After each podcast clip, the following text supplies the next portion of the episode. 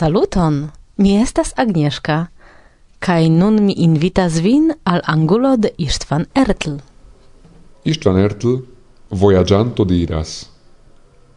Repertori mi estu de la stratoj, kiujn mi lau promenis sempre prepare pri personez ilia, foie pare, pli ofte sola, en diversa statoi de menso de animo cae de pluae confortae abstractajoi de la homo ne min mem, sed almena un nomon de ciu voi irita in prafruai mi tempoi mi memoru, char la agioi attestas min, mi pasa, nur assistas la nesperteble changigiantan scenon, dum spazio tempigianta, strat miragioi nerefuteble pruvas, mi existas.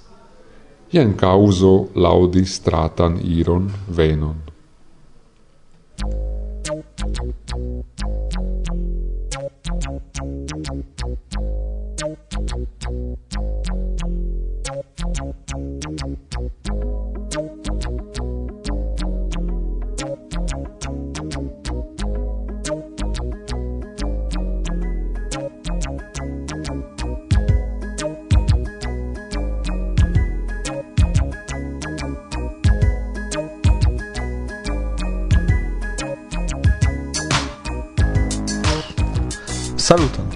Rilate alla pandemio COVID-19, anca en la reala vivo de la pola Wikimedio, oni resignis el anticipe planitaj convenoi. Tamen, kadre de la asocio Wikimedia Polska, ni decidis resti activai, almenau en la virtuala senso. En Polando mov ebleco de la civitanoj subite estis draste limigita dum pluraj semajnoj. Pro devigo resti heime multaj tiui, kiuj povis, comencis labori virtuale.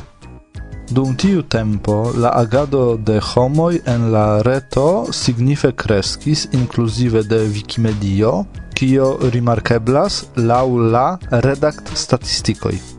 La Wikimedianoj kutime funkcias rete. Tamen foje ili renkontiĝas reale por vidi, kiu el inter ili ne estas roboto. Tio estas homo, kiu uzas programadon por efikigi sian laboron. En la lasta kunveno el ciui collectigiantai, ec quin el dec quin evidentigis robotoi, do ni rimarcas crescon de la individua activezo rilate al la robota. Dum la pandemio realaj kunvenoj estis anstataŭigitaj en la komunikilo Google Meet. Tiu kunvenoj estis dediĉitaj al diversaj celgrupoj, depende de la scio-nivelo.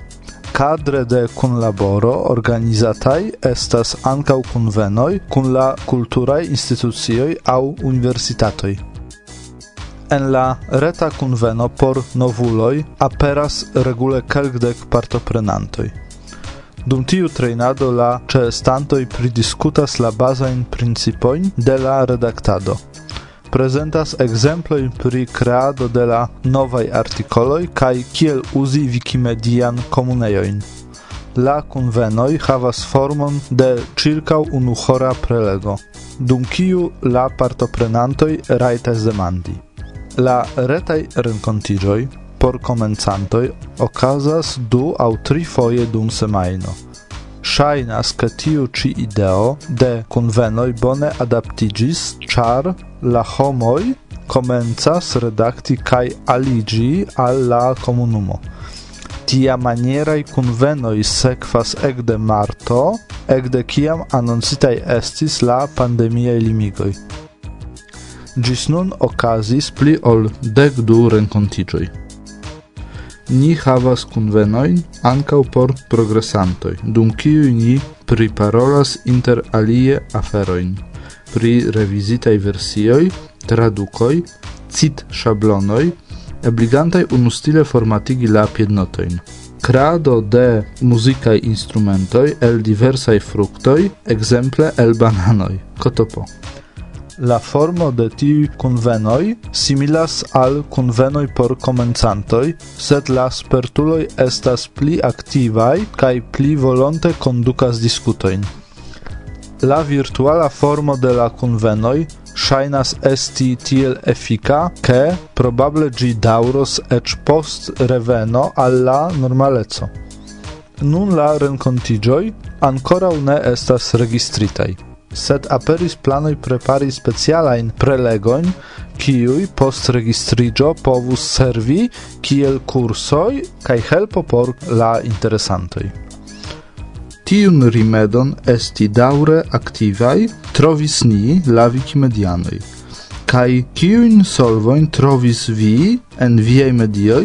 Ĉu atendas vi pli bonan futuron aŭ kiel ni vi trovis vin en la virtuala mondo? Diris ne roboto, sed la ulo homa. Marek. Facilas kiel ŝi razad rakonti fabloj Malfacilas marŝi kontraŭ vento de sabloj Facilas ne vidi kaj kunaĉuloj kunlabori. Malfacilas politike kontraŭstari Facilas ĉe armeo pafi iun per kuglo. Malfacilas trakti malamikon kun indulgo. Facilas rompi la koron kaj lasi iun en agonio. Malfacilas daŭre pluvivi post amistorio. Facilas fanfaroni pri homa evoluo. Malfacilas enspiri en nia poluo Facilas por juĝisto alsendi homon al mortalo. Malfacilas Malfacilas ekdubi pri sia propra moralo. Facilas promesi internacian televidon. Malfacilas pri Flavio havi plu da filo. Facilas sin kaŝi malantaŭ Dio kaj libro. Malfacilas trovi en si mem equilibro. Facilas kulpigi alian vivmanieron kaj emon. Malfacilas batali kontraŭ tutan sistemon. Facilas ciam usi ironion aŭ sarkasmon. Malfacilas trovi en la vivo entuziasmon. Facilas obei laboron stricte Malfacilas dauri senza salajro stricte Facilas porni paroli Male kun fluo kaj poetik Malfacilas provi repi Post la paf klik Mi estas Roman Dobsinski, vi nun aŭskultas eh, la podcaston Varsovia Vento. Mm.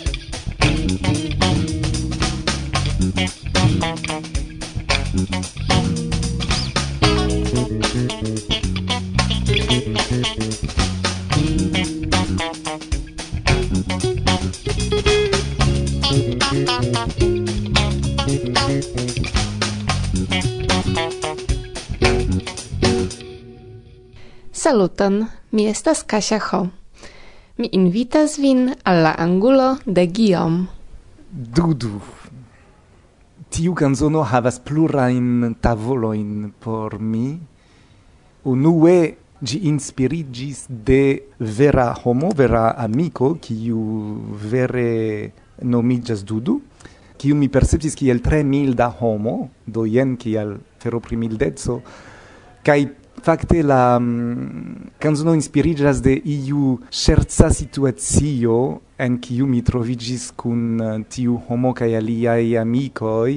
Ni iam babilis ri tiam laboris pri fabricado de laseroj kaj ri estis studento. Tial du du studis kaj studadis sen halte aperas en ciui eh, anguloj de la canzono. Kai ni racontis priti stultan pri tiui laseroi, pri tiu nevidebla rozcolora lasero, estis tiu scherzo tiom multe ridigis min che mi volis iel eh, uh, crei tiun uh, fabelan raconton el gi. Kai mi ancau volis usi gin kiel raconton en risma lingvo. Tio estas che uh, eh, mi antaue verkis canzonon pri riismo, Kai nun mi volis verki canzonon en riisma lingvo, porque la homoi povu sperti kio okazas kiam oni rakontas ion en kiu ĉiuj roluloi estas sengenraj.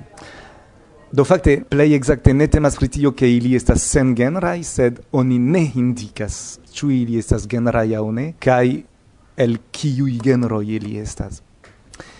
Plurfoje mi cantis tiun canzonon, dirinte alla auscultantaro, consideru che estas tiu rolulo dudu, cae anca tiu regio, en risma lingvo, regio, povas esti ino au icio. Do, oni ne sias, ciu temas pri regiccio au regino. Ciu esas aliai roluloi ne, esas nur du eh, uh, specifai roluloi en la canzono, cae oni ne sias pri iliai generoi. Oni sias che je la fino ili enamigas unu en la alian. Jen cio kai mi tre ŝatis kiam mi cantis tiun canzonon en Italujo estis tiu internazia junulara festivalo pri la temo genera egalezzo kai mi presentis mallongan spektaklon pri genera egalezzo kai mi cantis tiun canzonon kai diris al la homoi vi ne scias la genron de tiui homoi, cae simple observu kio ocasas en vi. Ĉu vi sentas vin frustritan pro tio ne scii la genron de la roluloi? Ĉu tio genas vin? Ĉu facte vi prifaifegas? Jen, simple ne vidu kaj poste mi demandis kion vi spertis kaj mi ricevis tre malsamain, tre diversain respondoin, kai poste mi demandis Ĉu por vi dudu estas ino, iĉo aŭ vi ne scias kaj vi prifajfas? Kaj denove mi ricevis tre diversajn respondojn kaj tio tre plezurigis min.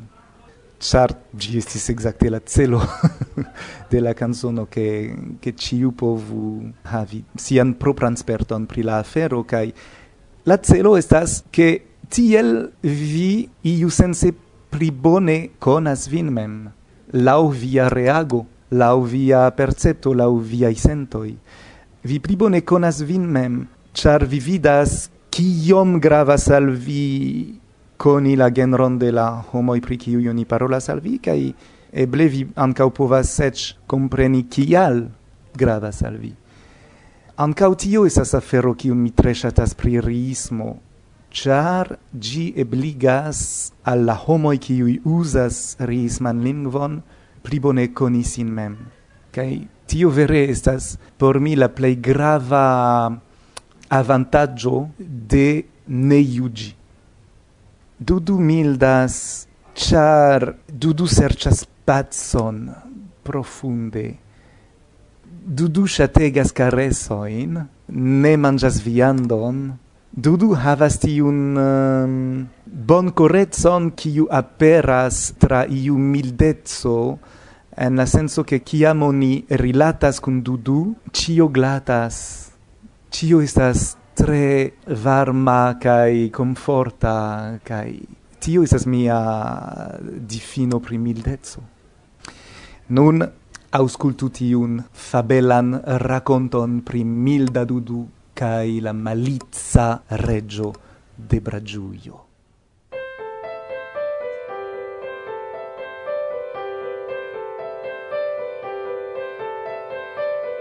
Renomigis Dudu, cae logis in la forrega lando Bragiuglio. Riesis milda kiel parasaurolofo, per ria nura rigardo ricapablis sciafidigi la plei cruelan lupegon. Ritute ne capablis mangi viandon, ridiris, la vegetajaro tute suffice donacas al mi, porche mi ne besonu mortigi vivajoin. Dudu shategis caresoin ricai riai amicoi passigis plida tempo intercaressante ol interparolante, sed malfelice Multa il riai amicoi pereis pro la tro oftai militoi in conducis la regio te Bragiuio. Pro tio, du decidis studis scienzoin por el pensi ilon, machinon, capablan primil digi la mondon studis kaj studadis sen halte. Du du daure studadis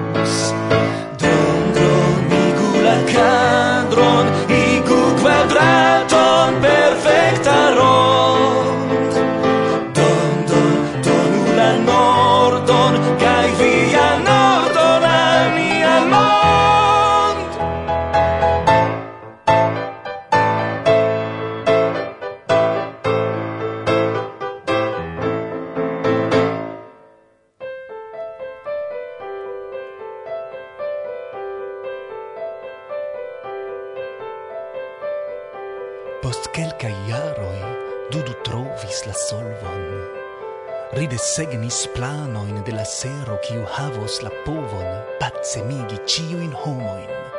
Sufficios pafi iunain per gi, por tui forigi ciun per fortemon de tiu.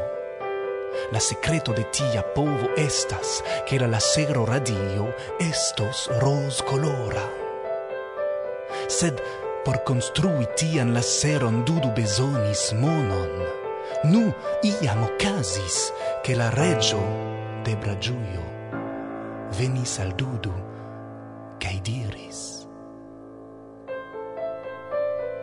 Mi besonas la seron.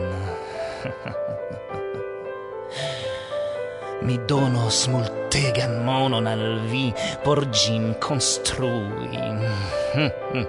Cai chargi utilos por mortigi ciuin miain malamicoin, tiu la sero devo sesti nigra. Ah, ha, ha.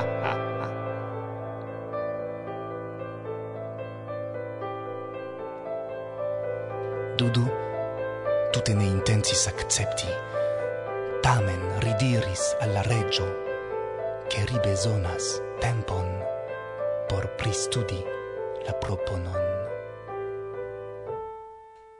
Dudu pristudis, cae pristudadis, sen halte. Dudu dauris da, curage vadu tra la chaos. Dudu digne la dubinda etos. Dongo igu la cadron, igu quadraton per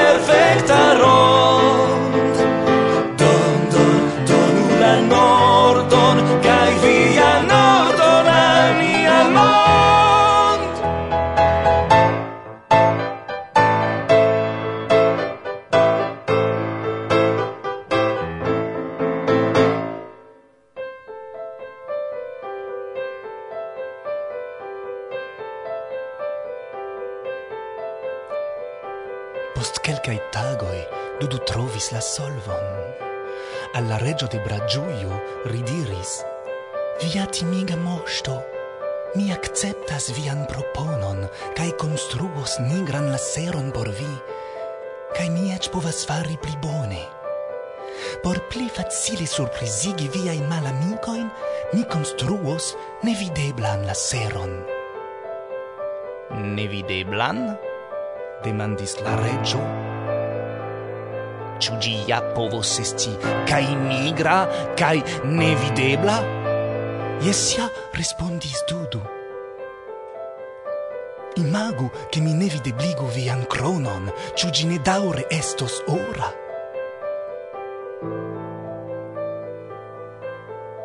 vilaĝo tre entusiasme jesis la proponon de Dudu cae donis la monon. Tiam Dudu ekstudis la teorioin de la nevideblaj laseroi. Ria nova celo estis construi nevideblan rozkoloran laseron. Dudu studis cae studadis senhalte. Du, du, daŭris studado, kuraĝe vadu manos. Tú, tú, dignes.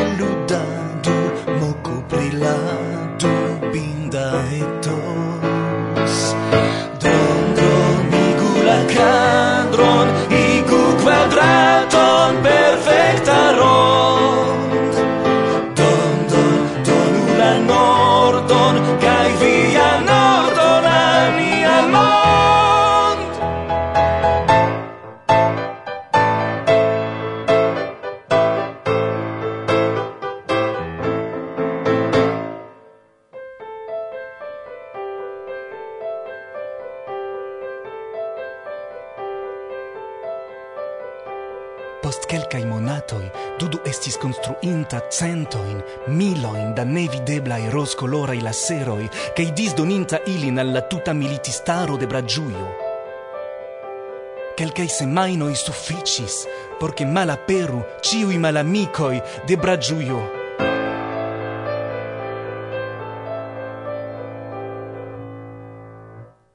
Ili ciui igis amicoi anstataŭ batalojn oni organizis am kaj amkunsidojn. Kiam la reggio furiosege iris al Dudu por mortige rin, Dudu pafis rin per sia ple forta roscolora la sero Subite la reggio en amigis pri Dudu kai e caressis rin. De tiam ili kun multaj amicoi con loggias en la regia palazzo, cae kiam rine estas occupita pro karesado, tudo studas, cae studadas, sen halte. Du, du, daure studa, du, curage va, du,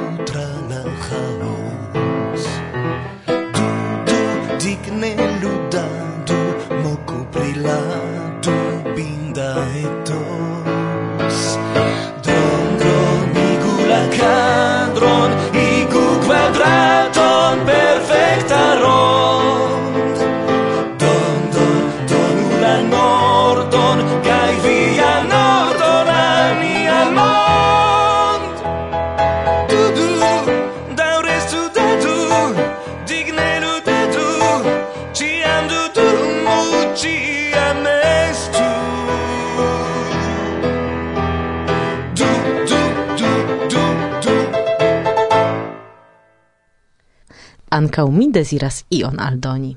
Unue, saluton! Do Kasia Ho, Gosia, kiun ĝoje ni akceptas en nia redakcio, Marek kaj signoro Reza diversforme tusis temon de la coronavirusa pandemio. Mi dume trarigardis la reton kaj kolektis al vi ligiloin, kies listigon vi trovos sub la priskribo de la elsendo. El gi clare videblas, ke ankaŭ ni la esperantistaro unuigis dum tiu tempo. Resulte aperis en la reto divers formai aktivecoj, inter ili ekzemple serio de filmetoj, esperantistoi kaj kronviruso, en kiuj vi trovos rakontoj de la esperantistoi pri situacio en iliai landoi kaj kion ili travivas. Tre interesan serion de filmaj rakontoj cronvirus tempe vivi kreis Federico Gobbo kiu ne nur lerte komencis varbi interesigion pri diversaj temoj, sed ankaŭ komencis kanti pri la unua projekto de la interna ideo. Kaj se ni jam parolas pri muzika etoso, nepre, nepre, nepre rimarku la agadon de Flo, kiu liberigis muzikom kreinte ludlistojn, por ke vi ne sentu vin viktimoj fermitaj hejme. Ce la ocaso, ciam mi parolas pri vi, Flo, salutoin ancau al Françoise, cun aparte bela vocio presentita laste sur la ponto de Canal Domidi. Katalin Kovac, activa kiel ciam, ancau ci foie ne staris apud rigardante kion faras la aliai. Inter multai sciai proponoi mi trovis por vi sian kronvirusan intervjuon kun Bertilo, Birke kaj Gita. Spektu gin kaj vi scios kial ni gin rekomendas. Inter multaj proponoj turnis mian atenton regulaj renkontiĝoj de la esperantistaj ŝak-emuloj. Ekde fino de la marto ili renkontiĝas por ŝak-ludi dum turniroj. La plej proksima okazos baldaŭ en la populara senpaga sacretejo liches.orogo. Clacula ligilon se vi ne deziras gin trapasi. La turniroj okazas nun ciu semajne kaj foje eĉ pli foje. Por tiuj esperantistoj, kiuj pro diversaj kialoj ne povas partopreni virtualajn eventojn, la solvo estas la interreta babilejo Discord. Sendepende de horo, oni ciam povas trovi homoin, volontain paroli pri diversai temoi, debabilado pri ciutaga vivo en tempo de pandemio, ec gis filosofio. Kiel aspektas Discord, kaj kiel oni uzas gin? La nova uzanto devas ensaluti gin en la babilejo per sia retpoŝto. Post registrigio, tuj oni povas komenci skribi al la aliaj babilantoj. Post connecto de mikrofono kaj auscultiloi oni povas organizi ankaŭ voĉ konversaciojn. Se oni volas, oni povas ankaŭ elŝuti la aplikon Discord en komputilo, sed tio ne estas necesa. Ne nur Irek, pri kio rakontis Reza, okazis kai ankorau okazos en la reto. Tiu sperto pro la pandemia i limigoi, pusis ankau la aliain, ne rezigni, sed simile okazigi planitain eventoin. Liston de tio, kio povas okazi, kompreneble sub la priskribo de la elsendo. En la reto, krome menciitei filmetoi, vi povos spekti ankaŭ riĉan proponon de nia hispana amiko Livendek. Kaj ne nur. Inter multaj proponoj mi trovis ekzemple filmetoj pri spertoj pri tradukado, interpretado kaj amuzaj anegdotoj tiu rilate speciala prelego Burundateo, Esperanta mond literaturo Ĉu mi povas kontribui? Speciala prelego Sin nutri en la naturo, comparo inter du planlingvoj, prelego Teo, pri la revuo Esperanto kaj la reta revuo, kaj pri la nepoinin benos, se ni ion al ili transdonos. Multaj similaj proponoj, kiujn mi prezentas, listigis ankaŭ la ĉeĥaj esperantistoj en sia retejo esperanto.cozo. Dankon Iv Nevelsten pro la informo. Piero por vi, kiam ni vizitos hent. Compreneble, ne pricio mi menciis, sed kiu serĉas, tiu trovos. Mem kiel mi, esploru la reton. Kaj cio? Ne plendo ni do che oni fermis nin heime, sed uzu ni la ebloin, kiujn ni havas. Kaj eble ancau faru ni ion por Esperanto, char pli frue neniam ni havis tempon. Kaj nun ni havas. Korajn salutoin al viciui, kai specialain de Ramunie al Hožener. Bla, bla, bla. Agnieszka. Ramunie.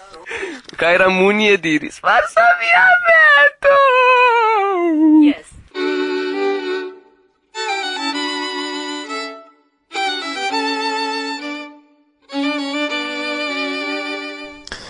Nu, pos vi frescau du horoi da auscultado, cae al mi restis nur mal multe da tempo por redakcie vin adiaui. Tamen eh, antau ol adiavus mi vin officiale, mi shatus diri ancora pri mm, du aferoi. Uno el ili concernas congreson de la scotai esperantistoi, kiu okazos ci semain fine.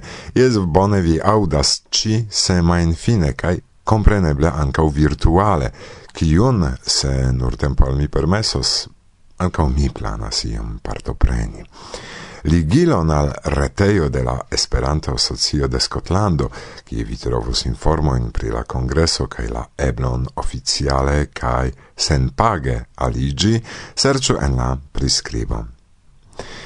Tie estis la unua annonzo, la dua concernas ancau virtualan ciare la ocan Europan Festivalon de Esperantai Cantoi.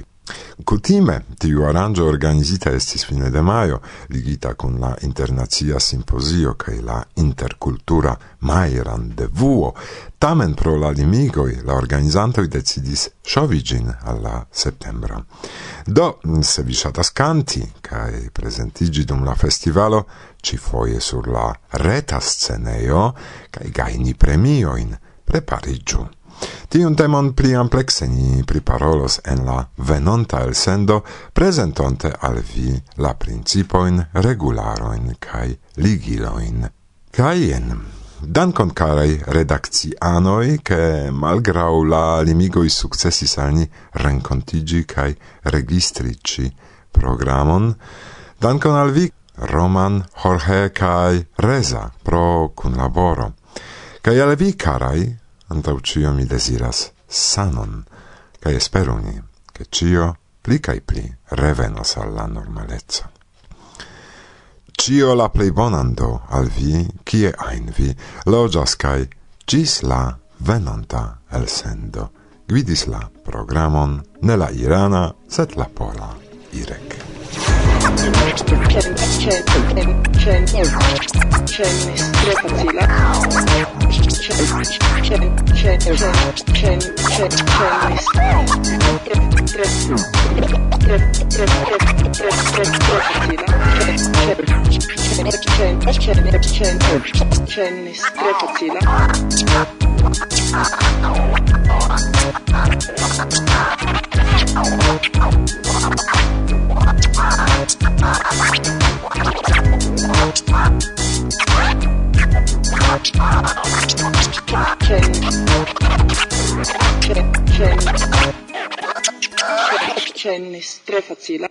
Varsovia, vento.